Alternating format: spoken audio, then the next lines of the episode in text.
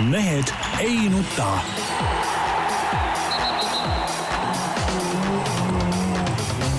mehed ei nuta. selle eest, et mehed ei nutaks, kannab hoolt Unibet, mängijatelt mängijatele. tere teisipäeva, Mehed ei nuta eetris nagu tavaliselt. Tarmo Paju Delfist, tervist, Peep Pahv Delfist Eesti Päevalehest, tervist. Jaan Martinson Eesti Päevalehest, Delfist ja igalt poolt mujalt ja lihtsalt ütleme ära, et see on salvestatud äh, paar tundi enne saate õiget algust teatud probleemide tõttu. probleemiks Jaan Martinson, tema täielik tontlus, muud midagi. ta ei ole tontlus, ma lähen oma tervist kontrollima. tervis on, kontroll normaalsel ajal, mitte ei pea panema saate ajale seda. ja me oleme siin kritiseerinud ikkagi läbi aegade ju korvpalliliite, spordiametnikke, kõiki, kes on mingeid pressikonverentse, asju täna teinud. on ka muide jalgratturite pressikonverents, ja nüüd muideks, ma, ole, nüüd ma oleks muidu selle, selle sinna läheb, peale. meil on selleks mees olemas. Ja nüüd sa ise- spetsialist, sul polnud seal midagi teha. ja nüüd sa, Jaan, ise paned äh, sellisele mina ajale ei siis. pannud, mulle pandi. no sina ütleme aktsepteerisid selle. see jutt ei huvita kedagi, pigem on Peebul siin programmiline sõnavõtt, meil on kõrvad kikkis.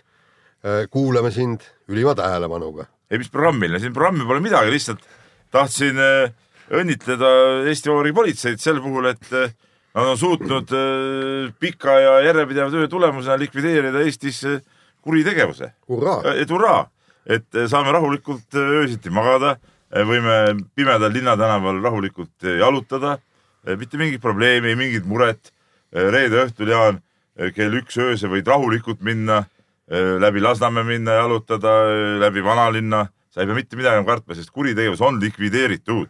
ja kuna kuritegevus on likvideeritud, siis politsei enda vormis hoidmiseks äh, kella kaheteist ja ühe vahel öösel käib siis mööda eeldatavaid äh, peopaiku, näiteks äh, kus noh, teada, et võivad koguneda mõned, mõned noored, pidada kultuurset äh, äh, üritust ja siis käivad seal puhumisreide tegemas. ja siis, kui tõesti äh, noored, seitsmeteist, kaheksateist aastased puhuvad välja minimaalse koguse, siis on oi-oi-oi, protokollid, kõik värgid. no oli, oli juhus reede õhtul viie politseiautoga korraldati reid ühte väiksesse kohta, kus, kus siis tõesti oli, oli väike üritus käimas. lapsevanemad, mina isiklikult ka olin sellega kursis, et üritus on, kõik eh, toimus kokkulepitud kujul, aga, aga, aga politseinikel oli tarvis see ära rikkuda ja, ja, ja üks, üks muidugi üks tähelepanek on, et, et kui kuritegevus on likvideeritud, nüüd võiks pöörata tähelepanu siis ütleme politsei ja, ja ka abipolitsei eh, varustuse parandamisele, et, et ei oleks nii, et, et tõepoolest üks oli, ma ei tea, kas ta oli päris politseinik või abipolitseinik, raadiosaatja oli tal kõrvas nagu jättis nagu tähtsa inimese mulje, aga, talle nagu vormi ei olnud jätkunud, et tuli välja veninud põlvedega dressipükstes ja, ja tavalises jopes ja, ja käis seal ringi. noh, see ka nagu ei sobi, et, et noh, nüüd nagu midagi eriti tegeleda pole, et noh, andke talle siis tükk riiet, las ta peab ise endale vormi siis, noh. et ka natuke asjalikum tegevus, kui, kui, kui, kui käia niimoodi niisama ringi. ja aga see on ikkagi noh, täitsa, täitsa tore küll, et, et niimoodi minna viie politseiautoga kohale, aga muide ei tead, mina, noh, poeg, poeg helistas mulle, et tule järgi. et siuke lugu. Sõitsin kohale, vaatasin tõesti, viis politsei, mõtlesin, et noh, noh, keegi nüüd löödi maha või, või mingi muu maja põles ära või mida iganes. no aga sa ei tea ju ette, kas seal on null koma kaks promilli või üks koma seitse promilli. Siis on vaja võib-olla No igaks juhuks, igaks juhuks. võib-olla saaks ka Võru politsei kutsuda, et teha sinna väiksesse kohta äh, haarang. no igaks juhuks et. ma arvan, et see oleks pidanud olema niimoodi, et osad politseinikud oleks pidanud jääma äh, no seal on siuke väike põõsaste vahel, oleks saanud oksad pähe siduda, eks ole. Võib-olla ka tulirelvad välja võtta, oleks pidanud jääma sinna niimoodi nagu äh, valvesse, samal ajal kui siis äh, selle, selle siukse, selle palgiga joostakse maha uks. et kui nüüd siis keegi kuskilt välja hüppab, siis äh, kohe tule alla. no muidugi. aga no lõppkokkuvõttes, nagu ma olen seda ka kuulsin sinult äh, kaks päeva pärast selle sündmuse toimumist, ega mina tegelikult aru ei saanud, ma tõesti, ma mõistan, et, et kui on seal mingisugune noored seltskond on tõesti pikali maas ja purjus ja, ja no neid juhtumeid panevad- on ikka omajagu. on küll, aga, aga seal tuleb ka mõista, mõistusega võtta, kui, kui noored mehed pu- puhuvad null koma kaks, null koma kolm promilli välja, olles võtnud öö, ühe võib-olla poolteist, kaks õlut on ju. no kallid politseinikud, kas te ise ei ole noored olnud või? või te, või te olite tõesti noorest peast sedavõrd korralikud ja, ja tublid ja tragid, noh. mõelge natukene, mis, mis tegelikult tegelege asjadega, mis nagu tegelikult nagu olulised, eks ole, selles on ju asja point, eks ole. jah, tulge, tulge vaadake üle, vaadata, vaatate, keegi kuskil ei kakerda eh, nurgas, ei korras, kõik jah. asi korras Paneme edasi.. ja andke kulpi ja jah, minge tehke noh, põitööd. ütleme nii, et see on Eesti poliitikute hea töö, et, et meil on tõesti kuritegevust ei ole ja saame tegeleda siis siukeste poliitikud. no, no poliitikud on teinud nii head tööd, et Eesti politsei on nii tugevaks saanud, et on kuritegevust likvideerinud. Noh. ei, aga kuule, võib-olla sealt oleks. see läkski nagu poliitminutit alla see jutt. aa, selle sa nagu tõmbasid siukse meelevaldse joone praegu siin kuidagi õigustada teema kohalolekut, siis sa tegid selle veel poliitikute teeneks. Peep, kuule, aga siit tuleb mõte, tead, meil on, meil on ju probleemid õpetajate, päästjate palkadega kõik. võtame pooled politseinikud lihtsalt saadame pensionile või, või. vaja ei ole ju noh, riided pole ka selga anda neil. mis te siis hoida? Nii. Nonii, sul Lähme- ei ole südamel midagi? ei ole, räägime spordist. räägime spordist, räägime korvpallist, tähendab teie räägite korvpallist. et äh, Kalev Cramo on siis võimas, pani siin kaks äh, ühisliiga mängu järjest kinni ja, ja kõõlub seal kuskil play-off'i koha peal peaaegu. või ma, ja mina käisin eilset mängu saalis äh, vaatamas ka. no päris sümpaatne mäng oli ja et kas ta nüüd play-off'i koha peal kõõlub, no ega selle play-off'i pääsemine on ikka päris keeruline, sest kaotuste arvult on ju Kalev praegu ikka viimasel kohal tegelikult liigas. Et neil on, neil on rohkem mänge mängitud ka kui, kui, kui teistel, vist üldse kõige rohkem mänge mängitud. ja, ja, ja kaotuste arvult ollakse tegelikult ju viimased isegi, kaotusi rohkem kui viima-, viimasel võitude poolt viimasel kohal oleval äh, Jenisseil. et, et, et midagi kerget siin ei ole.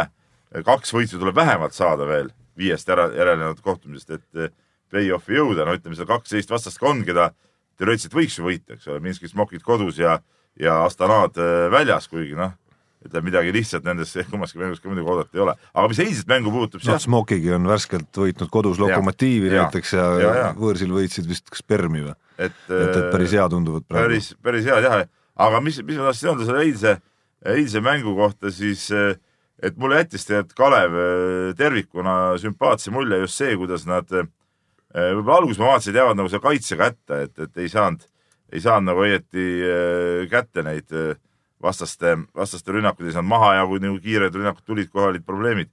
aga kui nad suutsid ikkagi va- vastase positsiooni rünnakusse suruda, siis mängiti küll kaitses väga hästi ja, ja, ja, ja ei olnud, ei olnud nagu erilisi isegi võimalusi, et saadi, kuigi see skoor lõpuks läks suureks, aga see tulenes rohkem sellest, et et Kalev enda rünnakud kestsid ka päris vähe aega ja rünnakute arv iseenesest oli suur, aga, aga seal kaitses ja eriti lauas mängiti, mängiti väga hästi.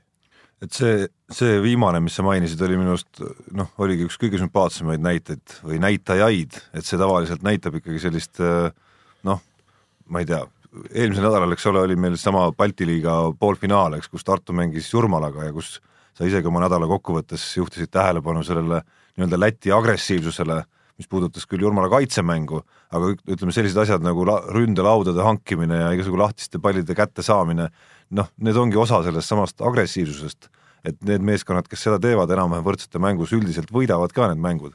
ja Kalevil tundus vahepeal siin paar õnnetumat mängu oli üks, kus Kairis jäi koju, et see oli nagu kuskile nagu ära kadumas natukene, et selles mõttes on äh, äge, et see on kuidagimoodi tagasi tulnud ja ja teisest küljest nagu lihtsalt pealtvaatajana Kalev mängib päris sümpaatset nagu nii-öelda va-, vaatamise mõttes päris sümpaatset mängu, see, et äh, suudetakse päris palju skoori teha ja ja rünnaku enesekindlus tundub, ei ole mitte ainult seal liidritel nagu Prisko või, või või, või teised seal kõrgel, vaid, vaid nende tuules on tegelikult ka Eesti mehed päris enesekindlalt viskamas, näiteks nagu Gregor Arbet eile. No eile, eile Arbet neli kolmest lühikese aja jooksul olidki need, mis tegelikult Kalevi selles mängus ellu jätsid, sest et see oli hetk, kui, kui vastane oli hästi minema saanud ja, ja vahe seal kippus juba natuke kärisema ja siis Arbeti kolmesed hoidsid tegelikult Kalevit elus ja, ja, ja teisel poolajal siis ütleme mängu lõpupoole Mirkovitš, kes oli suhteliselt ebakindel võib-olla alguses rünnakul, suutis ka oma kolmesed ära visata, et, et, et erinevatel hetkedel erinevad mehed ja,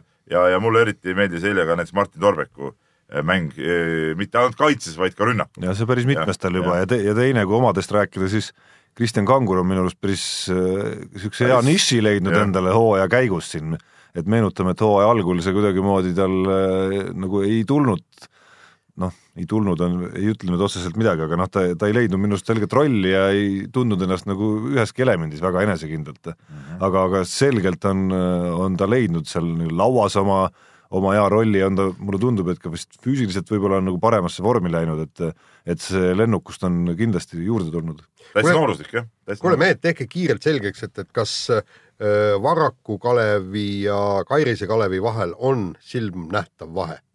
no mingi vahe on küll ja just seesama see, see hoogsus võib-olla selles äh, mängus on üks asi, teine asi ka see ikkagi seesama see kaitse agressiivsus, et ikkagi va, ütleme vanas Kalevis või, või Varrakuakses Kalevis äh, see ei hakanud silma ütlema, oli nagu siukest natuke siukest nagu tuimust kogu selles tegevuses, mida ütleme nüüd kindlasti eilse ja, ja ka eelmist, ma eelmist mängu küll otse pildis niimoodi ei näinud, aga, aga nii palju, kui ma olen natuke järgi vaadanud mingeid lõike ja, ja neid asju, tundub, et seda nagu praegu ei ole, et, et, et eh, kui, kui meeskond on heas hoone peal, siis praegu nad mängivad ikkagi siukest tõesti, nagu Tarmo ütles, väga vaadatavat korvpalli. Ja noh, teine asi, mis on äh, toimunud, et kui Isaiah Briscoe liitus meeskonnaga siis, kui hooaeg oli juba ütleme poolteist kuud käinud, äh, see oli seal Varraku nii-öelda lõpuaegadel, eks mm, -hmm. siis ilmselgelt äh, mängija, kes tuleb noore ameeriklasena esimest korda üldse Euroopasse, et noh, me oma silmaga nägime, et teatud kasvuraskusi ja kohanemisraskusi ja ja, ja see ja seda, et ka muu meeskond tema ümber vajab ikkagi mingit kohanemist ja tema ise peab nagu õppima mingeid asju võib-olla noh, mida võib teha ja mida ei või teha ja ilmselgelt on ta ka mingil määral õppinud, et et kui siin mõned kuud tagasi algusaegadel kas või teleülekannet kommenteerida või teleülekande kommentaare kuulata, siis noh, mees sai seal minu arust küll kohati ka teenimatult, aga noh, sai seal ikkagi nagu noh, nii-öelda pistuleid kogu aeg on ju oma otsuste eest eelkõige, aga me näeme, kuidas minu arust oma silmaga näeme, kuidas mida nädal edasi, seda rohkem on ta ikkagi nagu kohanenud sellega, mida talt oodatakse. et seda nagu päris hulluajamist on aina vähemaks jäänud. jah, ta on kohanenud küll, aga selge see, et tema, temaga ütleme, tema kasvatamisel Ei, on, kindlasti. on veel, on veel päris, päris suur töö seal treeneritel ära teha, aga, aga nad on suutnud, ütleme ikkagi nagu seda teed nagu alustada ja, ja teda, teda nagu suuna, on, on nagu suunatud õigesse. aga no mis viib natuke selle, mis viib natukene selle jutuga sinna, et et nii tähtsa, nii tähtsa rolli, no me oleme rääkinud sellest muidugi sada korda, et nii tähtsa rolli täitmist meeskonna koosseisus noh, ei saa jätta ikkagi sellesse hetke, kus hooaeg käib juba. et kui siin vaadata jah, võib-olla nagu väga palju äh, ei oleks kaotuste ja võitude lahter teistsugune, aga, aga noh, vähemalt ühe kodumängu Parma vastu näiteks, mida väga praeguse tabeliseisu juures oleks Kalevil vaja, võib-olla selle nahka see üks, üks on nagu läinud ja. näiteks ikkagi. absoluutselt. Nii, aga vahetame teemat kiirelt võrkpallist. Eesti üks kõvemaid võrkpallureid, Rene Teppan teatas, et äh, Itaalia tippklubist Trentino äh, lahkub ta, kuna piisavalt mänguaega ei saa. küsimus on, kas nii peabki? no see on alati nii ja naa siuke moment, et mõnes mõttes ma saan aru, eks ole, et, et ja see on nagu spordimehelik, sa tahad nagu mängida, mitte pinki nühkida ja kui sa näed, et sa seal klubis ei saa, siis sa otsidki endale teise koha, kus saaks, et, et mitte niisama olla nagu tore mees ja seda mängu hea koha pealt vaadata, eks ole, nagu nagu klassikud on ütelnud, teisalt jälle noh, tekib alati see küsimus ka, et noh, mis see nüüd siis ongi nii nõrk, et ei suuda ennast nagu sealt äh, välja mängida. aga no olgem ausad, tegemist on absoluutse tippklubiga ja, ja sealt äh, ennast tõesti esikuuikusse mängida, noh, ega see, see ei ole nagu niisama no pigem, pigem ma arvan, et see on okei okay,, et ta läheb. mulle tundub ka eriti teades ja see ei ole ainult äh, nagu antud Rene Teppani olukorra puhul, aga üleüldse pallimängudes, olgu ta korvpall, jalgpall või võrkpall, mängida nii-öelda Itaalias Itaalia nii-öelda noh, staari ikkagi positsioonil tema selja taga. koondise mees, eks just, ja, ja siis tõusta temast nagu seal mööda, see on nagu, eks sa pead ikka väga palju parem olema. No ja selge, ja selge, et Rene Teppan ei ole temast väga palju parem. no vaata, siin on mitu punkti, üks on see, et, et kui oleks tõesti pikaaegne leping, eks sa tead, et, et sa nühid seda pinki võib-olla aastakene-kaks, aga, aga sa tead ja tunnetad, et sa suudad selle venna üle mängida, aga seal on just probleem see Itaalia treener, Itaalia mängija, eks selge see, et, et see treenergi eelistab pigem ista, itaallast isegi siis, kui mehed on nagu võrdsed või isegi Teppan on killukese parem, eks. see on nüüd esimene asi, teine asi on just see, et, et Teppan on, on praegu veel noor mees ja, ja ta ta jõuab ja tahab ja areneda küll. oleks ta taat, siis istugu seal ja teenigu raha, eks, siis ma olen täiesti nõus. aga, aga kuna noor mees ja ta võib sinna Trentinosse võib-olla kahe, kahe-kolme aasta pärast tagasi tulla ja siis hoopis teisel tasemel vennana ja et selles vanuses ei saa lubada endale väga pikalt pingile jäämist ikkagi. küsimus see on täpselt see iga, kus kuhu ta- ka minna saab, selles on ka küsimus, et kas ta esiteks see tase peab olema ikkagi tipptase, kuhu minna. ei ole mõtet minna, ma ei tea, no, kuskile no tema jutujust jäi Läti mulje, et tal on pakkumisi päris palju ja Läti, Läti ei ole kindlasti optsioon. ei, ei no see on mingi näide, eks ole, et, et see peab enam-vähem ikkagi sarnane tase olema. nojah, ja loodame, loodame kõige paremat ja hoiame Teppanile kõvasti pöial no.. noh, ma tegelikult Jaani veel täiendades, ma usun, et isegi kogenud mängijad ikkagi noh, mingi, mingil hetkel viskab neil ka üle see, et, et tahaks mängida, et ma arvan näiteks Ragnar Klavani ma arvan, et Ragnar Klavan ei taha väga kaua istuda seal enam, et kui see selline rotatsioon Liverpoolis jätkub, mis tal praegu on seal, et ta on neljandaks keskkaitseks jäänud, ma miskipärast arvan, et pärast tänavust hooaega tal ikkagi tekib tunne, et võiks nüüd, et siin on nüüd ära oldud, tehtud, et võiks nüüd äkki ikkagi minna kuskile, kus saab mängida. ja aga kõik sõltub ka sellest, kui suure palga ta teenib. ma arvan, et, et temal on ikkagi midagi pole teha, paar-kolm viimast aastat on, on mängus ja, ja, ja Mart nagu me Poom istus ka ju mingi poolteist hooaega Arsenalis istus. just täpselt, et Mar-, Mart Poom ja, ja ilmselt Müürsepp on ka omal ajal käinud nii-öelda raha teenimas. no möödunud pigi peal ei ole muidugi istunud. jah, noh, ta ei ole jah, võib-olla. no NBA-s ainult. ei no NBA-s jah, siis ta, see oli teine aeg, see oli noor. aga, aga, aga, nii ta paraku va- vanemate mängijatega on. aga lähme siis sujuvalt kohe teise osa ja kiirvahemängu eh, juurde ja eh, korvpallist taaskord räägime. Rauno Nurgariga oli siin eh, üks korralik intervjuu ja vend teatas, et hurraa, tuleb Eesti koondisse, on juba seda aastaid oodanud, et, et saaks ennast proovile panna ja nii edasi no ajaga tekib küsimus, et, et kas äh, koondise uks ongi kohe niimoodi pärani lahti, et, et vend äh, astub sisse ja, ja hakkabki kohe Eesti koondise eest mängima. seda on päris raske, raske hinnata, et, et äh, see uks, no selles suhtes kindlasti on tema jaoks nagu lahti, et, et teda kindlasti proovitakse, mis on ka igati loogiline, sest me ei ole aastaid ja aastaid ju siin kohalikus kontekstis ju mängimas näinud. on need üksikud ülikoolimängud, mida, mida siinmail on nähtud. teisalt, ega me ei tea ta tasemest ju eriti nagu midagi, et, et ka tema need selle hooaja statistilised näitajad on ju suhteliselt äh, mitte midagi ütlevad ikkagi. ja lõpuks küll jah, hooaja esimene pool oli päris lootusrikas, kui seal aga lõpus vajus ära ja ütleme viimases nüüd, kui oli see nii-öelda see tähtis play-off mäng, no siis seal ta oli ju täiesti marginaalne mängija, et, et eh, noh, ma ütleksin nii, et eh, ma kindlasti ei, ei pane talle praegu selliseid lootusi, et tuleb ja hakkab Eesti koondises siin Kreeka ja, ja kellega me siin Inglismaaga, Suurbritanniaga mäng, eks ole, et hakkab, hakkab seal hirmsasti nüüd möllama, et, et pigem ta on ikkagi noh, jääb esialgu siin taltside ja, ja nende, nende varju, midagi pole teha. samas olen ma siiski ka üsna kindel, et äh, noh, me ei tea küll, mida Maik-Kalev Kotsar teeb, eks, kas tema annab ka ennast nii-öelda üles ja, ja tuleb, sekkub ka sinna valikusse. pigem tema viimasest intervjuust jäi jah mulje, et, et vist mitte, eriti kuna see viimane hooaeg tal ei läinud kõige paremini, siis, siis tundub, et ta võib-olla tahab keskenduda treenimisele.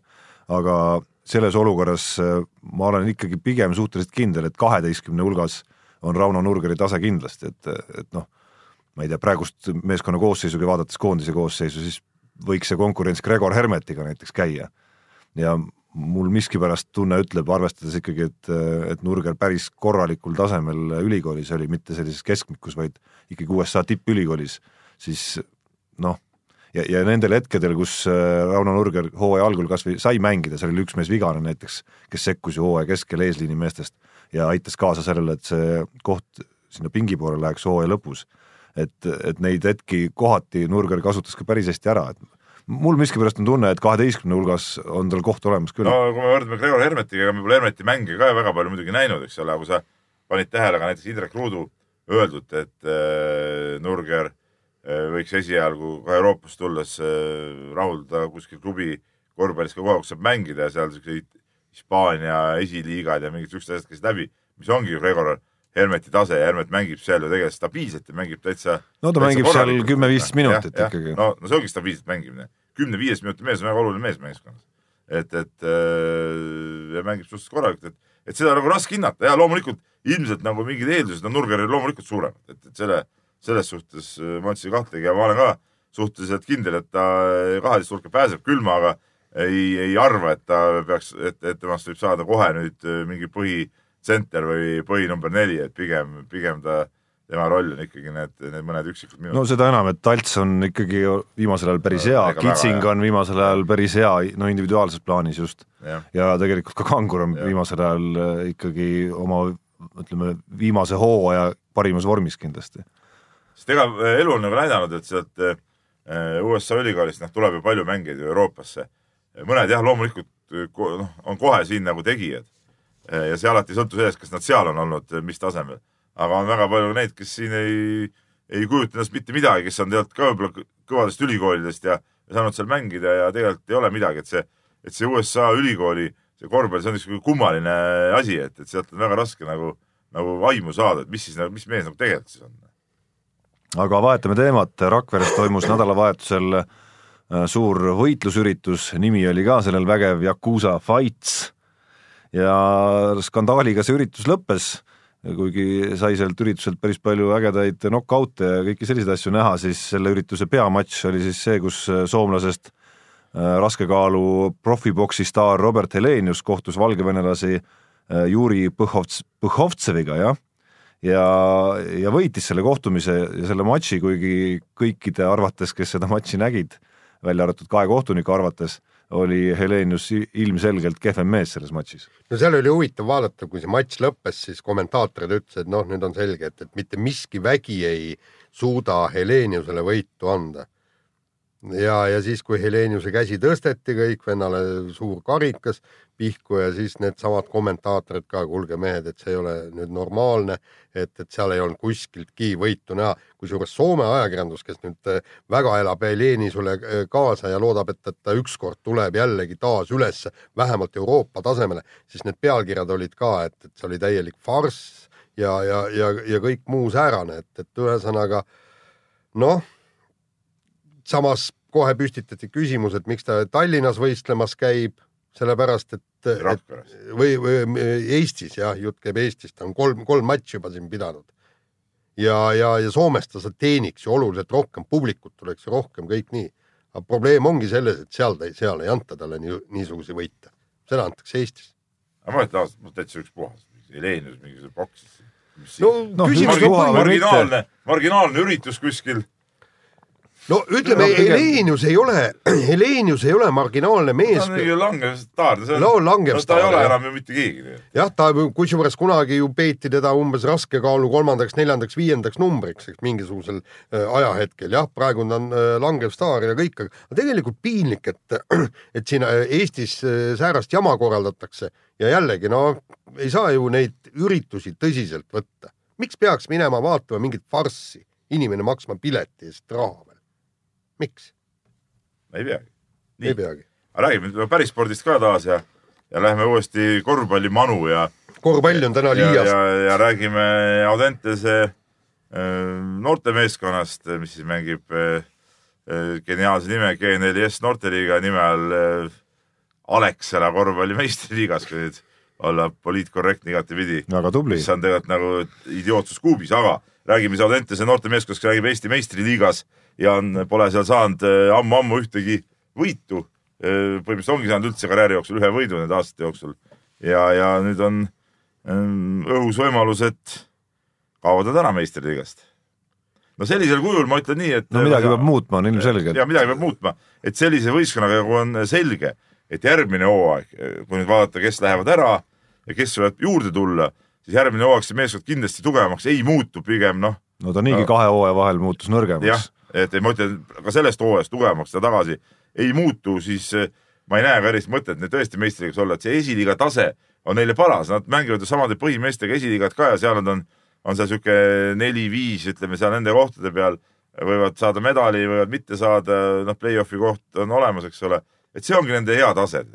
aga siis on teine asi muidugi, et, et eh, esiliiga on esiliiga, meistriliiga on meistriliiga, et kuidas siis nagu saada nagu noortele meestele ka heade, noh, tõesti tipptasemel. no oluline just, et seal kindlasti igas aastakäigus on neid, kes võiksid selles vanuses juba, juba meistriliiga meestega trenni teha ja, ja vahel ka mängida. ja minu arust, äh, no minul on sealt oma nägemus on Audentse kohta olnud ja me oleme Indrek Pisnapuga oleme küll korduvalt ka vaielnud ja eri meelsused olnud, aga mina arvan küll, et, et sealt võiks siis ikkagi, juhul kui meistriliiga meeskond enam ei ole, võiks neid osasid kutte ikkagi saata mängima meistriliiga klubide juurde, et las nad siis teevad hommikuti, nii nagu vanasti oli, et teevad hommikuti Audenteses trenni ja, ja õhtul, kui on vaja, teevad Audenteses, kui ei, vahest käivad seal meistriga klubi juures ja saavad seal ka teatud mängudes mängida, noh, et, et, et võib-olla see on mõistlik variant. Noh, teine, mis on läbi käinud, on see nii-öelda Audentese tugevdamine siis, aga ma saan aru, ressurssi ja raha selleks tegelikult ei ole ja küsimus on, kas, kas on ka mõistlik seda raha sellesse kulutada, et näiteks mingeid legionäre sinna osta selleks, et see sats oleks konkurentsivõimelisem. siis peaks mängima või sats ka täis eh, hooaja, ükski legionär ei tule ju ju poole hooaeg neljateist mängu ja, ja igal juhul, noh, eks siis, eks see, eks see teeb kulu veel suuremaks. ja, ja siis tei-, teisalt tuleks ju ääretult totter, sest need kolm legionäri, kelle, kelle sa ostad, on ju, need mängivad enam, enamus aja platsist ja siis me roteerimegi ainult kahte mängijat sisuliselt.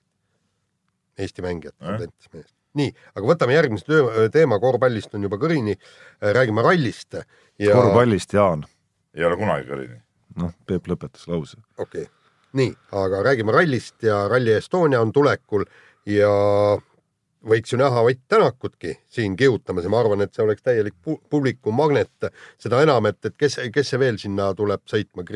Padon oli esimene, kes on teada, et tuleb, aga ilmselt tuleb veelgi neid. nii ja, ja paraku Toyota boss Tommy Mäkinen ei ole veel siiamaani Ott Tänakule luba ja õigust andnud siin kihutada. Ott, nagu ma saan aru, ise oleks väga nõus sõitma no miks ta ei peakski olema koduteedel äh, nõus sõitma ja ja, ja sa tead, Martin Järve ise ka Lõuna-Eesti poisskaardi lugeja, ta oli Elva, Elvast pärit.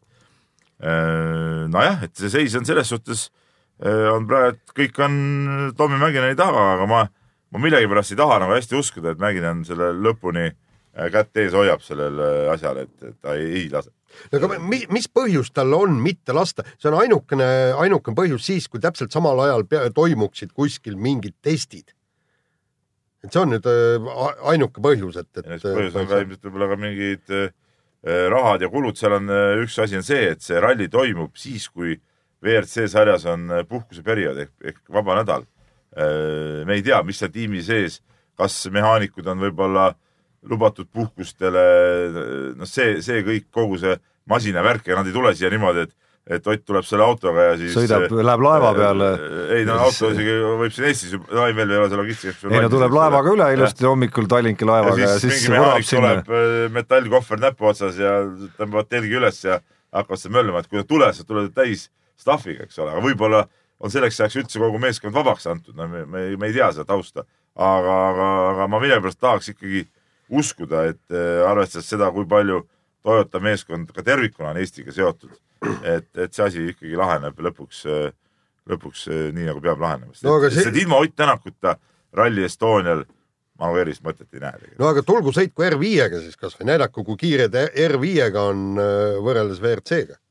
R5 saab ju, no mis ta läheb siis Padoni WRC-ga võistlema R5-ga, no sellest ei tule nagu mitte ei no jaa, aga vähemalt saab sõita, aga see oleks ka totter, kui ta istub, tuleb sinna ja vaatab lihtsalt kogu üritust kõrvalt. aga sellist asja ei juhtunud, Jaan, Rally Estonial. no on juhtunud, ei, ma tean, aga noh, aga ütleme praegu, kui ta ei ole ka mingi sarja osa, eks ole, ja kui siia mingi, ütleme Hyundai WRC tiim on juba kohale aetud, noh, noh nagu Aavo ütles, et noh, kaks on hea ja kolm on hea maitse piiril, eks ju, maksimum kolm WRC siukest tippsõitjat võiks siin olla. Et seda siis Tänakut pole, no see oleks nagu kummaline olukord, noh. ja see ei pakuks ka publikule midagi, noh. jah, no samamoodi, mis iganes R5 või asjaga ta seal histoorikuga sõidaks. sõidab, noh. et no nii nagu ta ikka näeks see ikkagi nagu, no ma arvan, et ta ei tunneks ennast kõige no paremini. Saaremaa rallil ta sõitis selle vanema WRC-ga, eks ole, eelmine aasta. et, et see oli küll nagu kõva magnet, eks ole. ja, ja, aga no ta ei pidanud seal Padoniga võidu ei, sõitma. seda muidugi jah. ei no seda ma ei usu, et ta mingi R5-ga siia tuleb, noh, see on nagu välistatud. Aga kiire vahemängu lõpetuseks äh, läheme võrkpallimanu, samal ajal kui äh, Balti liiga äh, veerandfinaale peeti ja Pärnu sealt läbi kruiisis, käis seal äh, pärnakate leeris ka mingisugune üsna segaseks jäänud mingisugune sõnavahetus, kus Aavo Keel siis ühel hetkel teatas, et et tema hoolealune Kevin Saar on suutnud rinna peale öökulli tätoveerida, mis on nüüd põletikus olnud nädal aega, et mis sa siuksega teed ja siis Saar vastas, et hoopis keelel pidi selja peal nugise pilt olema. ja mina ei saanud aru, on seal keegi midagi tätoveerinud või ei ole, on seal mingi põletik vist, ma saan aru lõpus, et ei olnud tegelikult midagi. tegelikult ei olnud midagi ja siis Ke- Kevin Saar ütles ka, et, et nagu Ke- Aavo Keel selle välja ütles, siis oli tal muidugi telefon umbes, kõik tahtsid küsida, et mis kuradi öökull ja mis kohas ja kus kohas ja aga, aga nagu ma saan aru, oli, oli see siis kättemaks selle kohta, kui Kevin Saar ütles, et väga tore, et, et see finaalturniir toimub Saaremaal sellepärast ta on ise Saaremaa mees, et siis ma saan kenasti kodus olla, et seal ju sõltus see, et kes põhiturniiri võidab, see korraldab finaalturniiri, eks. ja siis äh, Keel siis minu meelest maksis päris vahvalt kätte. ei, see oli normaalne jah, et väike aasimine võistkonna sees, see teeb ainult, ainult head, hoiab selle õhkkonna nagu elutervena minu arust. ja, ja muidugi me, meedia sai ka klikke. ikka, klikk on ju jumal, Tarmo. ikka, ikka.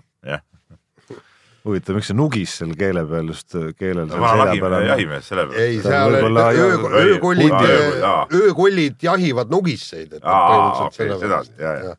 väga peen, väga peen, see ületas minu selle, ütleme, no minul ka nagu näha, nii et noh, te pole loodus, loodustunnis käinud, ei tegelikult ma erinevalt sinust tean, ma käin niisama loodusest, tead, ma elangi nagu peaaegu looduses, erinevalt sinust. no ma elan ka vähemalt suvel, aga nugiseid ei näe. On sul nugiseid seal öökulle, öökulle ka ei näe. aga vähemalt kuuled, neid on rohkem kui olen rähna, rähnased toksivad puuad. muuseas juba praegu talvel. ja meil on kusjuures, kusjuures kurk.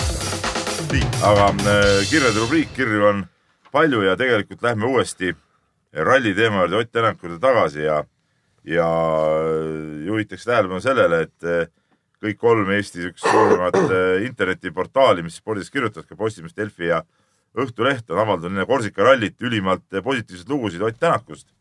siin on toodud näited, pealkiri, et Postimees, et Tänak näitab Korsika ralli eel hullumeelset kiirust, siis meie Delfi oleme kirjutanud, Ott Tänak näitab Korsika ralliks valmistuses suurepärast ma ei kiirust. ole seda kirja näinud, aga ma, ma lugesin nädalavahetusel, nägin seda uudist ja ma võib, võib-olla küsimus on midagi muud, aga mul tekkis ka see küsimus, et, et kus see kiirus seal nüüd jah, siis suurepärane kiirus sealt välja paistis. nii, Korsika ralliks valmistub Ott Tänak, lausa lendab asfaldil. ehk siis, ehk siis no aga vaata, ajakirjanikud on spetsialistid, nad võtavad selle video ette, näevad oli nii jah? silma järgi hindavad sõidukiirust, nii hullumeelne, eks ole, suurepärane, lendav ja nii ei on., kuule muide, tegelikult annab see öö, välja mõõta, kui arvestada auto pikkust, auto pikkus võtta aluseks, mõõta, mõõta ära teepikkus ja siis mõõta ära, tähendab kiirus, kui palju punktist A punktist B ei jõuab ja ju siis. Ma saan aru, et tegelikult enne. kui radareid polnud, eks ole, miilitsal, siis nad ju tegidki niimoodi, et tavaliselt kuskil kui see põllu peal, kui maantee läks läbi, siis nad eh, ju elektripostid, elektripostid mõõtsid ära selle, arvutasid välja, mis kiirus peab olema ja siis võetigi ju, ju kellaga aega, nii, ahah, jõudis kiiremini. Ja siis anti raadiosaatjatele teada, siis teine mees oli seal tee ääres, pidas kinni, niimoodi mõõdeti kiirust. Kuule, ja no mina mina ise, ise arvan, Peep, et et sa ei tea kogu tõde ikkagi, et tegelikult tehti siin selle, nende pealkirjade panemisel eeltööd ikkagi veel rohkem ja enne, kui, kui hinnati see kiirus suurepäraseks ja lendavaks, enne ikkagi helistati oma allikatele ka teistes tiimides jah, ja küsiti hinnangut, kuidas See- selle see- sama, kuidas sellesama lõigu läbis näiteks, ma ei tea, Latvala näiteks, Jah. eks, et, et seal tehti nagu põhjalik eeltöö ikkagi ära ja siis alles, siis alles anti see hinnang, et tõesti Ott oli suurepärane. me hakkasime targutama, me nagu kirja lõpuni ei jõudnudki, küsimuseni ei jõudnudki. aga tegelikult oli mingi muu küsimus ei. no kiri, kiri läheb tegelikult edasi. et eh, meenutaks, et sarnased artiklid olid ka enne Rootsi ja Mehhiko rallit. ja, ja Monte Carlo rallil räägiti, kuidas Toyota valmistus spetsiaalselt Rootsi ralliks ja neil on see eriti hea auto ja Mehhikos pidi Oligi samuti hea. Toyota ja Ott favoriidid olema. ja nüüd on sellised küsimused, nüüd on jälle siuksed eh, pealkirjad, et, et kas sellised artiklid võivad panna Ott Tänaku ja Toyota piinlikusse olukorda, kui Korsikalt tulemust ei tule. no oligi teine küsimus hoopis, kui see, mida mina tahtsin küsida. jah, et ma, ma ise arvan ka, et, et äh, praegu on Mäkinen täiesti põeb ja, ja ta on täiesti noh, öösel magada ei saa, sellepärast et Eestis on niisugused Asiotaaž. äh, asiotaaž ja nii, Delfis ja Õhtulehe veebis kirjutati. jah, täpselt niisugused pealkirjad ja kui ta ei suuda eestlaste lootusi täita ja selgub, et ei ole kiirus nii meele, meeleheitlikult hea, no siis ma ei tea, mis, lihtsalt tuleb töölt ära, ma ei tea. nojah, aga tervikuna muidugi, olgem ausad, et äh, ei, muidugi mingit pinget ta peale ei pane, aga, aga Korsikal äh, ma Ott Tänakut suurimaks äh, soosikuks kindlasti ei pea. no aga ikkagi üks soosikutest. Saksamaa No ralli, kes võitis ei no seda küll, aga ära? unusta aga ära unusta, et Korsika, seal on jälle teatud omad spetsiifikad ja seal on Ogier ja Lööb on stardis. no mis sa ja, Peep jamad, noh, ta oli suurepärane kiirus ta lendas ju lausa nii, aga nüüd on viktoriini küsimus, sulgudes eriti küll Peebule. ja, ja, ja siin on toodud üks äh, rida naisterahvaste nimesid. ja need on siis Angela Mandel, Marcella Liiv, Siiri Kangur, Maarja Pärs, Maria Zahharova, Hanna-Maria Kupper ja küsitud, et, et, et äh, kes on need kaunimega naissportlased, mis ala, alal nad äh, võistlevad, võistlesid. No äh, ma kindlasti teadsin Maria Zahharovat, kes oli äh, omal ajal neljasaja kaheksa meetri jooksja Eestis äh, täitsa, täitsa tipptegija ja Hanna-Maria Kupper, kas mitte ei ole äh, kettaheitja, eks ole. ütleme nimesid ma tean ka teisi, aga ma nüüd, nüüd täpseid tulemusi ja asju ei tea, aga õige vastuse muidugi, nüüd läheb kiri edasi, eks ole, õige vastuse leiate Eesti kõigepealt kergejõustuse edetabelis ja mis teeb nad eriliseks, on see, et nad kõik hoiavad oma ala edetabelis üheksandat kohta. täpselt sellel samal kohal on ka Eesti seitsmevõistleja Grete Griffin, endise nimega Šadeiko. ja siis äh, läheb kiri edasi nii, et ometi ei leia ma Delfi spordis artikleid, fotouudiseid ja karjatusi neist kellestki peale Grete Griffini. ja, ja siin ongi nüüd äh, küsimus, et, et miks siis äh, no, ühte kajastame, aga teisi mitte. no vot, Peep, sina oled juht, palun selgita meile. mina tahan ka teada saada. vaata, mina ja Jaan, sina oled selle asja süüdi, mina, sest et äh, sina äh, puhusid mulle selle Griffini suureks. No ta see on Grete täielik, tont see ju. Grete Griffin, Kuule. Grete Šadeiko ei olegi nii tähtis, vaid Griffin, mis ta on, Griffin kolmas, kuningas seitsmes, eks ole. nii. ja ei, kuule, ta on tont ju. ma olen kogu aeg rääkinud, et ta on sina ütlesid, tont et. ta on mingi superstaar. ei ole, ta, ma olen rääkinud ja miljonär on, aga, aga ta millal on sa, Peep, tont. aru said, et Griffin tegelikult ei, ei olegi nagu ei nii nüüd mees nüüd täna või? et ei, ta ütles, selgus, et ta ei mängigi üldse. noh. ei no ta juba ammu ei mängi, ta juba ammu ei mängi. no see oli küll ta on- Peep, kes tegelikult nagu juhib sisuliselt nagu kõike, mis, mida üldse noh, No mis ma usun, universumit mis tema no, ära. kõike, mis üldse tema käeulatuses on. usaldasin Jaani ühe korra ja sain vastu näppe. ahah, kas ta sellega, ma saan aru, et tänasega, ütleme pärast tänast on lõpp äh, Grete Griffini nime meil mainimisel Delfi spordis., kes, kes toodab neid uudiseid. ja ei no meelelahutuse uudistena see kõik on ju okei okay, aga kuigi tegelikult meil oli, kui tõsiselt rääkida, siis meil oli just täpselt nädal tagasi oli äh, ka siin ühel koosolek, hommikul vaidlus ja pärast ma veel äh, vestlesin ka siin äh, ühe inimesega edasi, et ma küll ei saa aru, miks Grete Šadeiko uudised inimestele niimoodi korda lähevad ja ma tegelikult ka reaalselt ei saa sellest aru, no samad sõnad siin. sest et ma ise tunnistan ausalt, ei ole, ma ei ole isegi, ma olen näinud pealkirja, et oli mingi uhke pulmatants, mina ei ole seda videot kordagi vaadanud, miks ma peaks seda vaatama, minu jaoks noh, no täitsa tavaline sportlane noh. oleks Grit Šadeiko, siis oleks teine asi, Eesti rekordi omanik. no aga ikkagi, ikkagi on kuidagi sinu juhitud äh, toimetuse veergudele ta ujunud. nii on, no see oli kõik, nagu ma ütlesin, Jaani, Jaani propaganda. see on, see on ikka tõelise su suure juhi tunnusmärk, et ikka, ikka alluvat tuleb süüdistada Ei, no noh. absoluutselt noh. no loomulikult noh, ega siis mina ju ja veel ja veel antud juhul inimest, kes üldse nii pritšom tundub praegu. ei no las, tema on promonud teda kogu aeg, tema on, Jaan on seda promonud kogu aeg mind absoluutselt see ei häiri. Eh, nii, aga võtame ühe kiire küsimuse veel ja jutt on siis eh, eh, sellest vormel üks hooajast, meil tuleb see küll eraldi ka, aga siin lihtsalt võtaks pool sellest küsimusest praegu, et et kuna see nädal algas vormel üks hooaeg, siis tahaks küsida, mis on teie ootused algavale hooajale ja kes võib tulla maailmameistriks? noh, Ja, jällegi me, ma, ma, ma, ma olen küll asfaltil neid autosid sõitmas näinud, ma olen isegi vaheaegu näinud ja kõik ja vaheaegade põhjal tundub, et, et ikka Mercedesele mitte keegi vastu ei saa, aga no ma väga siiski loodan, et, et Ferrari suudabki midagi vastu panna ja no eks sellest esimesest kahest-kolmest etapist sõltub, kas ma üldse kavatsen seda vaadata või, või ei kavatse, sest kui Mersu hakkab jälle noh, nagu, nagu alati viimased aastad on, et esimene, teine, esimene, teine, noh siis asjal puudub mõte. ma tean, et Kimi Raikkonen ei võida, aga ma olen ikka Kimi Raikkoneni poolt, sest ta on pungi vend. no meil on mõistlik ilmselt sellesama küsimuse tuulest minna ka sellesama vormeli teemaga edasi, kui kirju rohkem ei ja olnud. tead, kirju on, aga me ei jõua rohkem ette võtta, sest nende kell on nii paljuks läinud. me jõuame neid teinekord siin ka saata. Lähme vormeli teemaga edasi. läheme ilmselt vormeli teemaga edasi ja et, et siin tead, siin ka see kiri läheb tegelikult äh, äh, edasi äh,. küsimus on nendes teleülekannetes, mida me siin ilmselt nüüd ka puudutame, et äh, äh, mis, millest oli ka eile uudised, eks ole, Via Sport Baltic, Baltic. siin küsimus on, et kas me teame, kas Via Sport Baltic kannab üle vormel üks ülekandeid. eilsest uudiste valguses me teame, et ei kanna ja, see on, see on, ütleme, löök äh, allapoole vööd, ütleme niimoodi. no see on ikka tõsine löök, ütleme niimoodi, kuigi nüüd viimased aastad ei ole väga põnev see. ei no ikkagi no,, ütleme no, vormeli vaatamise arvamus on inimestel ikkagi väga suur. eelmise, eelmise, eelmine vormeliaeg oli ikka päris põnev ausalt öeldes.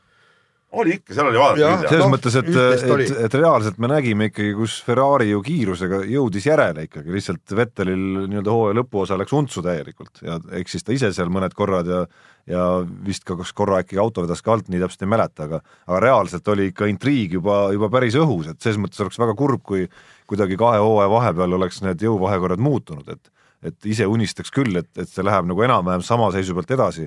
Kahjuks vormeli ajalugu on näidanud, et kunagi ei lähe asi täpselt, täpselt sama seisu pealt edasi. ei, aga jama on muidugi ikkagi selles, et, et Eesti televaataja nüüd ei näe ja nagu ma sain aru, siis ühesõnaga need, kelle käes on tele, teleõigused, tahab Eesti käest saada sedavõrd suurt pappi, mida ei ole öö, valmis Viasat, TV3 ja aga siin ma pean jälle ütlema ära oma selle lause, et kogu see spordikommerts on tegelikult ju saatanast.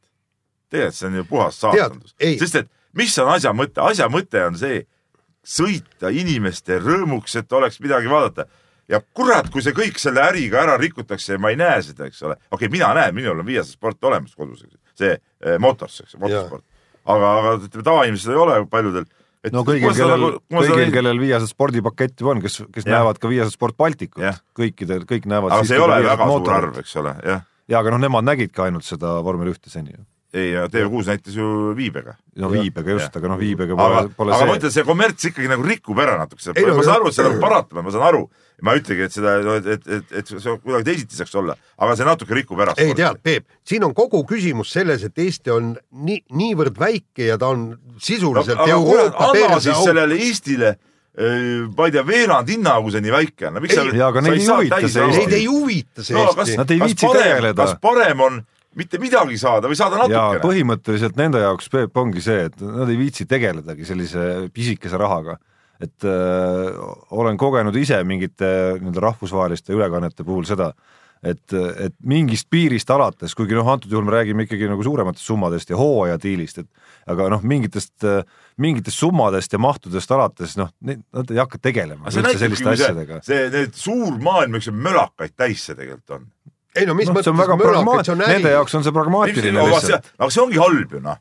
Nad peaks mõtlema laiemalt, nad peaks mõtlema, et see on kõigi jaoks peab olema see noh, kõigi jaoks. Peep... see on nii nagu Eestis mõtlevad need Tallinna need võimu, võimul olevad inimesed mõtlevad ainult Tallinna peale, mitte nagu päris inimeste peale, kes päris, need tondid, kes seal linnas elavad, need, see on üks asi, aga päris inimesed elavad ju mujal ja nende peale ei mõtle keegi. sama asi on praegu sellega, eks ole, mingid Euroopa või maailma omad, oh, tore, eks ole, te seal Eestis teed, tehke, ma ei tea, mis asja, eks ole. et noh, et, et muidugi on üllatav iseenesest, et et noh, kuskil, kuskil võiks ju kokku Kuidas saada. Läti saab näha? et kuskil võiks ei, ju. Läti sa lugesid eile? ei, ei, ilmselt, ilmselt, ilmselt Läti ka ei näe. ja, ja mis kõik. et kuskil, et kuskil oleks ju loogiline, et võiks nagu kokku saada ikkagi, et kuskil on nii-öelda pakkumise nõudluse mingi vahepeal, nii nagu Pekingi turul me alati ikkagi ja. saime ju kaubale, kuigi algul küsiti kosmost ja me pakkusime kosmost vastu ka, eks. et, et üldjuhul saadakse nagu kokku, aga, aga aga siin jah, ma saan aru, et mingid kõrvalhuvid on seal ka mängus vormel ühel, arendada mingeid oma platvorme vaatamiseks ja aga mida ja ka Eestis, mida ka Eestis aga mida ka Eestis samal ajal ei pakuta, jah. noh, ilmselt on aja küsimus, millal see siia siiski jõuab. ei, aga ta, see, sellepärast ei anta, et, et meil on olemas teleõigus ja ainuke, teleõigused on ju olemas ja nendes riikides, kellel on teleõigused olemas, Eesti teleõigused on ära müüdud. ja teine, teine küsimus on see, mulle tundub, Eesti, Läti, Leedu ongi ainsad riigid Euroopas üldse, kes ei näe. aga muide, ärme räägi ainult nendest. NBA kossu näed Eestis või? Enamus riikides nähakse ju, saadaks vaada, vaadata NBA äh, kossu. No,. NBA, Eestis... NBA TV-st, NBA TV-st midagi näeb. ja lisaks näed ju selle nii-öelda veebi kaudu no,, ei no veebi, ärme sellest veebist just täpselt, sama, samamoodi. just täpselt, ise sa oled NFL-i vaataja samamoodi. jaa, aga, aga see ongi jama, et Eesti, Eesti on üks äh, väheseid, kui mitte ainus, ainus riik, kus näiteks Superbowli ei näe, ei nähta otse. kõik Soome, kõik, kõik ümberringi, kõik vaatavad. oli mingi aeg, kui ju näitas televiisor Ameerika jalgpalli ka, ma ju vaatasin küll. see oli ESPN Ameerika oli ja, spetsiaalne, spetsiaalne kanal, jah ja, ja, täpselt. sealt nägi ka NBA-d tollal ja NHL-i. nüüd jääb NHL-i Setanta spordist muidugi. jah, no vot jällegi, eks, aga, aga see ei ole, tähendab, ma, ma arvan, et NBA ikkagi müüks ka siin Eestis, kui sa, kui sa saaksid näha, näidata üks-kaks mängu võib-olla nädalas niisugust head mängu. ei no NBA TV-s sa näed iga no. jaa, aga see ei ole eestikeelse kommentaaride. just täpselt, ma räägin, et jaa, aga noh, selle jaoks ei ole ka turgu siin, ma väidan. oled sa nii kindel? täiesti kindel, täiesti okay.. aga mille jaoks on? sellist, sellist turgu, et, et seda aga kulu, sellist turgu, et seda kulu tagasi teenida, siin ei ole kindlasti oh,. jaa, aga ei no aga sellepärast, et see kulu on, kulu on nii suur. No.. see ongi see, et, et kogu küsimus ongi see kulu nii suur, aga kui... no maailma mõistes on see kulu suhteliselt väike siiski, et ja. nad, nad ei tule päris samu summasid loomulikult nõudma siit Eestist, mis nad nõuavad suurematest riikidest, aga ikkagi see auditoorium läheb, jääb liiga väikseks. puhtalt spekulatiivselt, kas näiteks NBA mängude vaatajaskond no ütleme, kui ta on pühapäeva õhtune, see nii-öelda, nii-öelda varajane mäng, mis meie kellaajal on mõistlik, ma ei mõtle mingeid öiseid mänge mm, -hmm. oleks väiksem kui näiteks äh, Eesti meistriliiga mängu vaatas. no sõltub meistriliiga mängust, aga ma arvan küll, et oleks jah. võib-olla tõesti, võib-olla tõesti. mind alati huvitanud on tegelikult, et mul on alati selline tunne, mina vaatan alati Euroliigat, eks ole. noh, neljapäev, reede õhtu vahest, teisipäev, kolmapäev ka, eks ole, seegi nädal vist. see nädal ongi teisipäev, et, kolmapäev et ähm, äh, noh, see on nagu püha äh, värk, eks ole, et mul on siuke tunne, et kõik nagu vaatavad, mul on paljud tuttavad ka vaatavad, aga mind alati huvitab, palju tegelikult Euroliigat inimesi Eestis vaatab, kas sina tead, Tarmo? Ei tea, kusjuures peaks Kalevi käest küsima. see on päris huvitav tegelikult, oleks teada. nii, nüüd me läksime teemast kõrvale, meil vormel üks oli teema, aga noh. no eks me peamegi Aga- võrkpalli peale Ja- üle minema ja-. ja lähme võrkpalli peale üle ja Balti liigas on siis äh, poolfinaalid, poolfinalistid teada, Final Four toimub siis Saaremaal, aga, aga jällegi toimus mingisugune arusaamatu anomaalia. anomaalia kõik, kuigi ta nagu selgub, et ei olegi no anomaalia. eelmine aasta juhtus sama ja see aasta taas, siis Väga- järelikult ei ole anomaalia. Rakvere, amatöörid panid siis Tartu kotti ja viimase otsustava mängu võitsid. okei okay,, ma saan aru, et kolm-kaks kuidagi seal midagi, kolm-null, puhtalt kolm-null võitsid. ja, ja mille peale siis Tartu peatreener, nagu ma saan aru, tagasi astus. vot see Tartu asi ongi minu jaoks nagu kummaline, et ma olen aastaid äh, jälginud, no võrkpallist ma vanasti kirjutasin hästi palju, nüüd ma natuke selles suhtes kirjutamise mõttes kaugemale jäänud, ma olen ikkagi nagu natuke nagu jälginud, mis, mis toimub ja mis vähemalt need tabelised asjad on. ja Tartus tegelikult on klubi eestvedajad on ju kogu aeg rääkinud, kuidas nad tahavad seal teha ja olla ja tugevaks ja nii edasi, aga kogu aeg nad nagu lõikavad millegagi näppu nagu minu arust. et, et eh, küll nad lasevad lahti eh, hea treeneri, kes neile võite toob, siis nad panevad pukki noore mehe, kes võib-olla kümne aasta pärast olekski väga hea treener, eks ole, Lüütsepp, kes praegu oli. aga ilmselgelt liiga vara, no ilmselgelt ei, ei kandnud välja seda rolli, noh.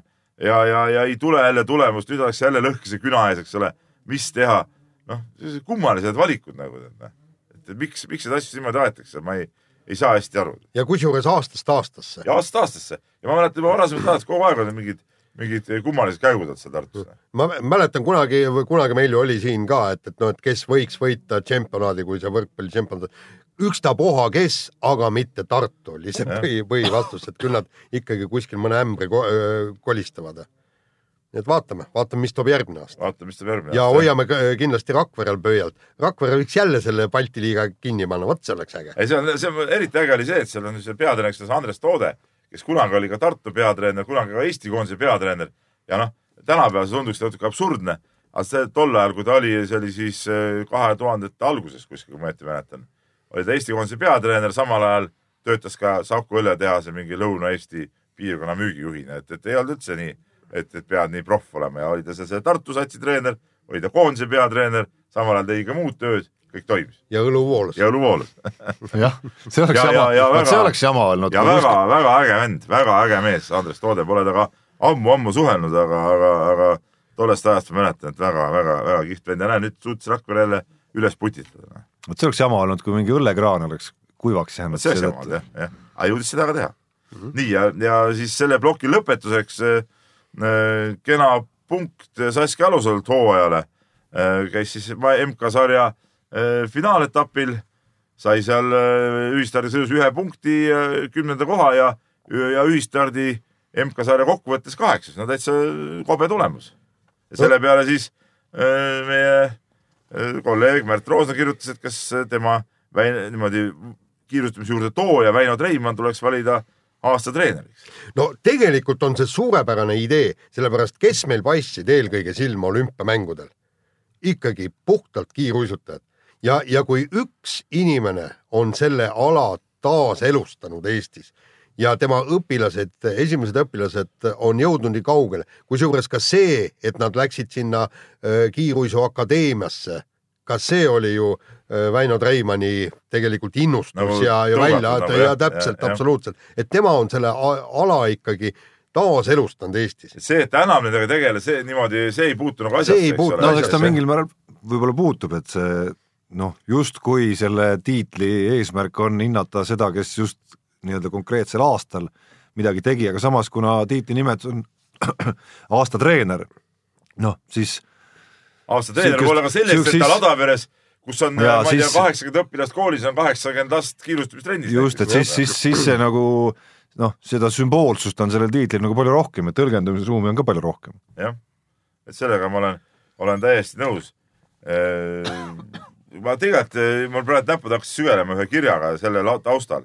tegelikult, et see Saskia Alusalu käis seal MK-sarja finaali võistlemisel, meil tuli ka üks kiri ja see oli küsimus Eesti suusatajate kohta, et, et on küsimus, et miks Eesti suusatajad ei võistelnud nädalavahetusel Holm-Kolleni maailmakarikasarja etapil samal ajal Eesti, Eesti meistrivõistlusi, et kas need on tähtsam kui MK.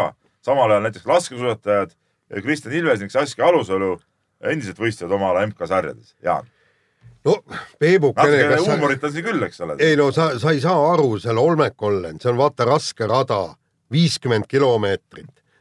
uisutehnikas ka veel kõike seda sõita, noh, see, see, see ei ole lihtne, mine proovi ise seda kõike teha. ei ole hea. mina olen sõitnud, ma olen isegi üle- viiekümne kildi sõitnud, ma olen vana Tartu maratoni hunt tegelikult. no vot, aga see on klassikas no.. Tartu maraton oli klassika, ongi Jah. raskem sõiduviis tegelikult. kestab, kestab kauem ju, see on aga- ajaliselt kauem. aga noh, tegelikult on absurdne. absurdne. kuidas saab üldse Eestikas samal ajal olla, see juba, juba alaliidu poolt eh, on see absurdne otsus, noh ja ka sõitjate muidugi valikud on absurdsed. ja, ja ma, ma just mäletan seda kunagi ammu, kui oli, ma ei mäleta, see oli vist Kaspar Kokk, kes, kes ütles, et, et tema öö, koormus on nagu väga-väga suur võistluskoormuseks, et, et see on võib-olla põhjus, miks tulemust ei tule. selle peale Jaak Maaja ütles, kuulge mehed, meie nühkisime omal ajal ligi nelikümmend võistlust, et kui öö, MK-hooaeg läbi sai. käisime seal Soomes veel neid eh, täpselt võistlusi, jah. Lapinkulda Jah, jah, võistlustel jah,, jah. mäletad, kui ta käis seal Siberis kuskil Jah, mingit jah, Siberi tuuri jah, sõitmas, kõik, ei olnud no probleemi need. olidki mehed nagu raudnaelad, midagi polnud teha, tead noh. Omal ajal need välbed ja kõik ju käisid seal sõitmas. Just. jah. nii, aga nüüd no, ongi suusatamine. ja viimane ala ongi suusatamine. sujuv üleminek jah Jah., et samal ajal, samal ajal ma juhin tähelepanu, kui, kui osa suusatajaid, või osa suusatajaid, suusatajad jätsid MK-le minemata ja toimusid Eestikad. toimus Eestikatel ju ka, mis sobib, see lugu sobib sissejuhatuseks sellesse teemasse, toimus ju ka teatevõistluste Eesti meistrivõistlused, kus siis eh, ei olnud neljaliikmelisi võistkondi, No vaid kolmeliikmelisi, aga te kindlasti panite tähele, meeste teatesõidus hoolimata sellest, et vaja oli kolmeliikmelisi võistkondi, oli platsis neli võistkonda no piinlik ju. no absoluutselt kaksteist meeste suusatamises, tervelt kaksteist võistlejat ju, me räägime meeste suusatamisest. tervelt kaksteist atleeti ju. ja, ja, ja kusjuures äh, tegelikult ma, ma, ma ütlen kiirelt siia vahele, see ei lähe küll teemasse kokku, aga Raio Piiroja sõitis ju äh, Eestikaid viis, viitekümmet kilomeetrit. amatöörsuusatajad võivad ka sinna äh, tulla jõudu katsuma, kus oli Priit Pullerits, mul on näiteks küsimus. ja, ja kus olid teised need kõvad vennad, kes, amatöörvennad, kes Raivo E Tamm oli? ja ei no ütleme need, kes ikkagi Tartu maratoni esisajasse kuuluvad, miks te kõik ei lähe? Te võite ju minna Tartu muidugi. maratoni esisajas, minge sõitke Eestikaid. ja viiskümmend on lühem kui Tartu maraton. no just, täpselt ja, ja, ja kuulge, kui Raio Piiroja öö, suudab, tuleb välja see- ja, ja sõidab, siis see on kõva sõna noh. No ja teine, teine küsimus, mis nüüd haakub veel rohkem selle teemaga, mida me tegelikult tahtsime rääkida, ehk et Peeter Kümmeli intervjuu ja, ja sõnum selle kohta, et et Eesti suusatamises on igasugu segadust ja jama küll, aga kõige suurem probleem on see, et meil puudub materjal üldse, mida nii-öelda tippudeks voolida, siis, siis kus need noored sportlased kõik olid, miks nemad teadet ei sõitnud? no neil olid samal ajal juunioride ja, ja noorte tšempionaat, see oli see jama noh. Neil on oma, no ühesõnaga no, siin okay., segadust on palju, aga, aga ega meil neid noori juunioreid äh, ka palju ei ole, jah, ma tegin Peeter Kümmeliga intervjuu ja nagu ta ütles, et, et meil on illusioone liiga palju äh, Eesti suusatamises ja illusioonide juures ta just äh, rääkis seda, et, et meil kui no noor suusataja tuleb juunioride tšempioniks siin Eestis ja, ja siis öeldakse, et noh, sa oled, näed, Jaak Mae oli ka omal ajal juunioride tšempion, et sa oled ka kõva vend ja siis, kui poiss läheb poiss läheb tegelikult siis võidu sõitma sinna maailma, maailma oma vanuste juunioridega, siis, siis pannakse ta ikka nii paika kõrvulukustavalt.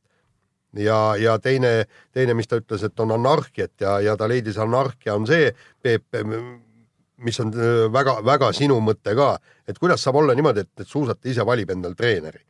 No no koondise täiega nonsenss, me oleme sinuga rääkinud mitu korda sellest. no just täpselt. sina oled kusjuures pooldanud seda, mina olen selle vastu. ei, ma ei, ma ei poolda, aga ma ütlen, et siin paraku midagi teha ei saa, sellepärast et neil on personaalsed treenerid. koondise treener on koondise treener noh. ja siis, kui sa ei taha ta olla, siis ei ole koondises, väga lihtne. noh. jah, täpselt Noh, nii, nii siis ilmselt nii tootmine tööle, tuleb tead.. tegelikult so Soomes muide ma vaatasin praegu, neil on peatreeneri vahetus, seal on see, et peatreener koordineerib, tähendab, peatreener on see boss ja kes, kes lõplikult ütleb just ja kes lõplikult ütleb, millised koormused sportlastele anda ja, ja äh, individuaaltreener on nii-öelda alluv, kes siis viib peatreeneri mõtteid ellu, seal tekkis just küsimus. tehakse koostööd ka kindlasti. ja ei, ongi koostööd, aga aga see ei ole nad, nii, et, et ah, see, mis peatreener mingu just. puu taha. sest seal, seal on kogu küsimus, et kuivõrd äh, palju sel hooajal riskida, et äh, nende koormuste andmisega, kas minna sinna piiri peal kõik kõlkuma, nii, aga, aga minu arust Peeter Kümmeli jutu ikka peamine mõte see oli see, et kõik see, millest sa praegu, Jaan, rääkisid, on nagu kõrvaline natukene, et et kui meil on olemas andekas noor, kes on mingile tasemele jõudnud, on omaealiste hulgas noh, maailmas natukenegi konkurentsis, noh küllap ta siis ühe valemi või teise valemiga lõpuks ikkagi sa-, võib temast vähemalt asja saada, aga küsimus on selles, et et noorte seas suusatamine kui selline kaob ikkagi ära päris. Tähendab, ta, ta ei ütle asja laiemalt, mitte ainult suusatamine, vaid üldse Eesti nagu tippsport praegu ja eriti nagu me võtame kestvusala eh, tippsport ja põhjus on selles, et noored on lihtsalt nõrgad. jaa, aga ütleme, kui sa nüüd hakkad alasid ja alasid ka võrdlema, siis me miskipärast noh, kas või kergejõustikus mingis vanuses näeme, et seal on kujusid, kes tulevad peale, aga aga suusatamises see nagu null ju täiesti. No mida seal kergejõustikus, ütleme kestvusaladest, kes tuleb peale, me räägime sellest eh, kaheteistaastasest äh, Laagodast või mis, mis see on, kes meil tuleb pe- peale, palju meil aga mingid ime, ime. noh, Toni Nõu näiteks, kelle nimi mul eelmine No saade ei tulnud nüüd siis- okei okay,, ta ei ole nüüd kestvusala otseselt, aga, aga, aga mitte noh, ka päris ei puhas no sada meetrit sportlasi kogu aeg tuleb, aga tead, mis on huvitav asi, mul tuli tegelikult meelde me, praegu. me võidame vähemalt, me oleme seal medalikonkurentsis pidevalt kergejõustiku juunioride rahvusvahelistel see ei suurvõistlustel. puuduta nüüd küll otseselt tippsporti, aga Jaan, ka sa rõhutasid just siin praegu, ütlesid, et me noored on nõrgad ja nii edasi. ja huvitav asi oli, ma käisin reedel, noh, see nüüd on natuke kõrvaline teema, küll ma korraks toon selle sisse. Oli eh, Keila koolis seal, seal on siuke asi nagu moeshow, no see on niisugune klassiväline üritus, mida siis nagu tehakse, no kuna minu need kossupoisid tegid seda seekord, nende vanus tegi seda, siis ma käisin vaatamas. ja, ja päris huvitav oli, just ma hakkasin, tabasin ennast selle mõtte pealt, seal oli nagu praktiliselt kogu lend käis läbi ja hästi palju poisse kõik ja ma panin seal, paljud olid seal siukses riietes mingisse palja ülakehaga ja niimoodi näha oli. enamus olid jumala trimmis vennad, noh. ma ei näinud, ma ei näinud sisuliselt ühtegi eh, ülekaalulist eh, poissi, kuule, üheteistkümnes klass. see, tead, mis ma ütlen, on see näiteks mul abikaasa, ja, ja oota, oota, oota, oota korraks ma veel ütlen. Ja, ja, ja millest see tuleb, et ikkagi nendes, okei okay,, Keila ei ole ka mingi maakoht, ta on ikka väike linn, aga seal isegi talvel käivad osad vennad jalgratastega koolis, on see pidev liikumine, on kevad-sügis, see rattaparkla on nii täis, et seal ei ole kuhugi enam panna rattaid, eks ole. ja, ja kogu aeg kes käib rulaga ja nii edasi, et on kogu aeg ikkagi liikumine ja nii edasi, et ikkagi see on rohkem ikkagi Tallinna teema on see, see füüsikast väljas olek. kuule, ma tahtsin, tahtsin just öelda, abikaasa, kes on ka kooliinimene, ütleb, et käib jõusaalis ja ütleb, et tendents on see, et noored mehed, kes muidu nagu sporti ei tee, nad käivad jõusaalis ja tõesti ajavad endale lihased trimmi. Et vähemalt seegi asi on ju. Jah. aga ütleb, et see on viimase aja tendents, et nad see tulevad oli nagu läks nagu teemast välja, aga lihtsalt see mul tuli nagu see meelde. aga, aga tegelikult on vaata suusatamised, me, me ei räägi ainult suusatamisest, me räägime ka laskesuusatamist, me räägime ka kahevõistlusest, no, ei sellepärast no me räägime lumel, noh no aga see on ka meie loodusest noh. tingitud, ega siis nüüd okei okay,, praegu oli siin mingi kuu-poolteist oli lund üle hulga aja, üle mitme aasta. Aga kui seda ei ole, no siis sa ei saa seda ala ju harrastada. kuule, kõik need Kristiinad ja Jaagud ja, ja kõik, kõik, kes tulid, kus kohas siis see, siis oli lumi ju. kus ta oli, kolm Tartu maratoni jäi ära ju kaheksakümne kaheksandat seal, just seal, kus ne, nemad olid juunioride ajas, kolm Tar Tartu maratoni nelja aasta. Tartu maraton on Tartu maraton. Ei, ei, no kuule, enam-vähem ikkagi, vanasti oli lund ju palju rohkem. kuule, praegu on, praegu on tehislu-, tehislumi kõik olemas, kõik see Te,. teine asi, noh nagu Peeter sest Kümmel, toona oli ikkagi, kui need Kristiinad ja Jaagud tulid, oli suusatamine Eestis seal veres, aga enam selle looduse pärast ei ole veres, selles ongi see no asi. vot seal, sealt võib-olla tegelikult nagu Peeter Kümmel ütleb, on see, et, et lapsed ei liigu piisavalt ega ei tee seda põhja alla. Ja nagu ta ise ütles, et teil olid juuniorina väga rasked ajad, ta käis suvel kolm suve tööl. kolm suve tööl selleks, et saaks talvel sõita. Ja ütles, et Soomes käimine oli ju, Soomes käimine oli treeneri fanatismist, istuti bussi ja kõik ja mindi. järgmised ehk siis tähendab neist neist järgmised, vot kõik, kõik need, kes praegu seal olümpial neid kolmekümnendate kohtade peale sõidavad, eks. see oli see ideaalne põlvkond, kes sai käia laagrites lumel ja kõik. ja aga minu arust see probleem algab, algab ikkagi varem ja sellele viitas ka Kümmel, et asi ei ole seal nagu juuniori eas, vaid see on ikkagi oluliselt varem, et neid lapsi, kes äh, suuskadel üldse noh, ennast valitsevad, ütleme, ma ei tea, seitsme või kaheksa aastaselt, noh, neid lihtsalt on kordades vähem, kui oli võib-olla sel ajal, kui mina olin väike. ma räägin, Ei, seda ma räägin, see ei ole meil vene isegi- isegi- mina käisin ju suuskadega koolis No ju. absoluutselt, kolm ja- kilomeetrit äh, ja, ja, ja, suuskadega ja mina ja mina noh. veetsin sisuliselt kõik äh, kõik talvel kõik äh, koolivälised ajad isegi isegi nii kaugele välja, et äh, mingisugune posu nii-öelda poiss sai kokku, sõitis suuskadega Aruküla rongijaama, istus rongi peale, sõitis Aegviitu, sealt sõitis suuskadega mööda autoteed suusaradadele ja siis veetis seal mitu tundi ja siis suuskadega tegi kõik selle tee peal tagasi Tarmo, ka, ilma et see mingi spordi tegemise alla kirja muidugi ei läinud, see oli lihtsalt, see oli fun. Tarmo, kahe tuhandendate aastate alguses ja sealt veel aastaid-aastaid edasi oli see ETV karikasarjas iga aasta osalejaid tuhat. Igal aastal osalejaid tuhat, praegu on see äh, nüüd langenud. Need olid need, kes tegid ka trenni suusatamist ja, ja ku- kujutad ette, et sul, sul on tuhat last ja mitte ühte, mitte ühte talenti selle pealt. et, et aga kelle viga see on? Jällegi jõuame noorte treenerite juurde, kas tõesti on siis nii, et meil ei ole mitte ühtegi andekat või neid ei ole suudetud panna tööle või siis on süüdi lapsevanemad, kes ei ole neile andnud piisavalt head baasi, et äh, noored suusa, suudaks teha vastavate koormustega trenni Need, teemad on korduvalt nii- nii-öelda nagu ma hakkas öelda lauale toodud, eks ole. aga kus need lahendused on, hakkame lahendustest rääkima nüüd, noh.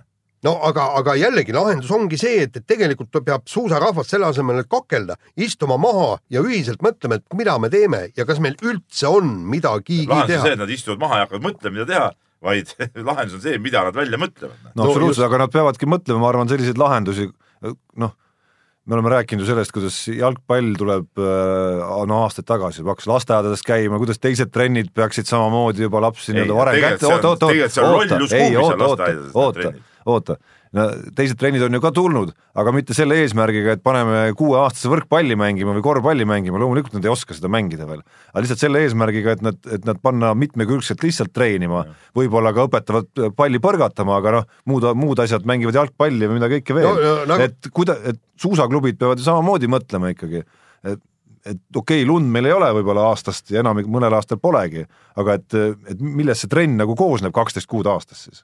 Et vähemalt lapsed oleksid nii-öelda töös. kuidas sa üldse teed selle ala huvitavaks, kui sa harrastad ala, mida sa ei saagi sisuliselt harrastada? no vaata seal nagu see kümme, kümmel ka ütles, et, et see on mindud ab- absurdsuseni, kui pannakse kümneaastaseid lapse, lapsi lõik, lõiki jooksma selle asemel, et jalgpalli mängida või, või jäähokit mängida või midagi ja, ja, ja see ja seal on veel mi- mitmeid asju seda kõike annab ju huvitavaks teha, tähendab, kui inimesel on soov kestvusalaga tegeleda, siis ta sellega tegeleb, ta ei lähe jalgpalli mängima. see, kes suudab, kes saab mõnu sellest, et ta kümme kilomeetrit täiega paneb suuskadel, see on neile nagu narkootikum, ta ei lähe mängima jalgpalli, korvpalli ega võrkpalli. tähendab, need öö, inimesed on olemas, kes tahavad seda teha, aga nüüd tuleb mõelda, et, et kuidas siit edasi minna. Või siis teine võimalus, lõpetame selle suusatamisega üldse ära.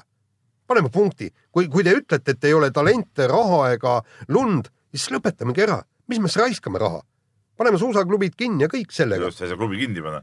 No klubi, kui ta tahab, võib alati tegeleda, eks. organisatsioon. ei no jaa, aga no, no, no siis puudub mõte ju sellel.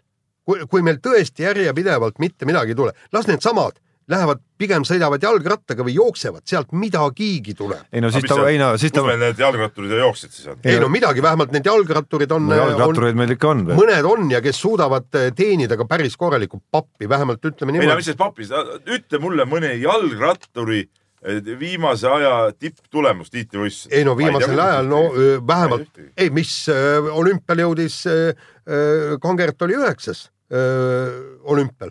Näita mulle suusatajat või laskesuusatajat, kes on üheksas.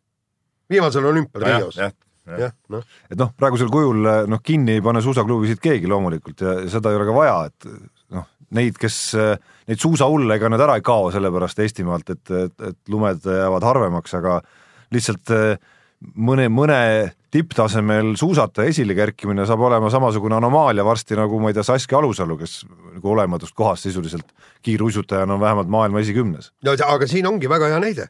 kuidas saab tulla Saskia Alusalu täiesti tühjast kohast, Eestis ei olnud jääd.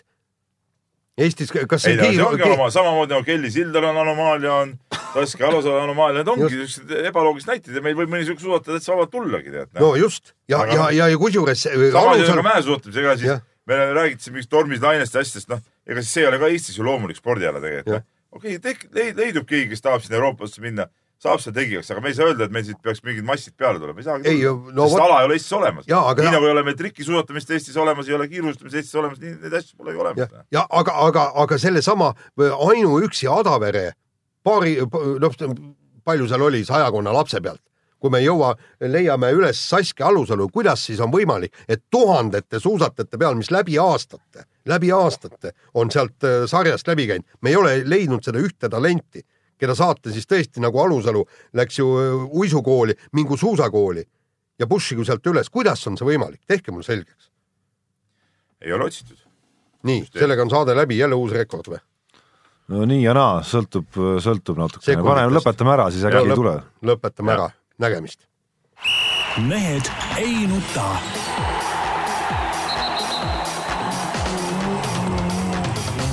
mehed ei nuta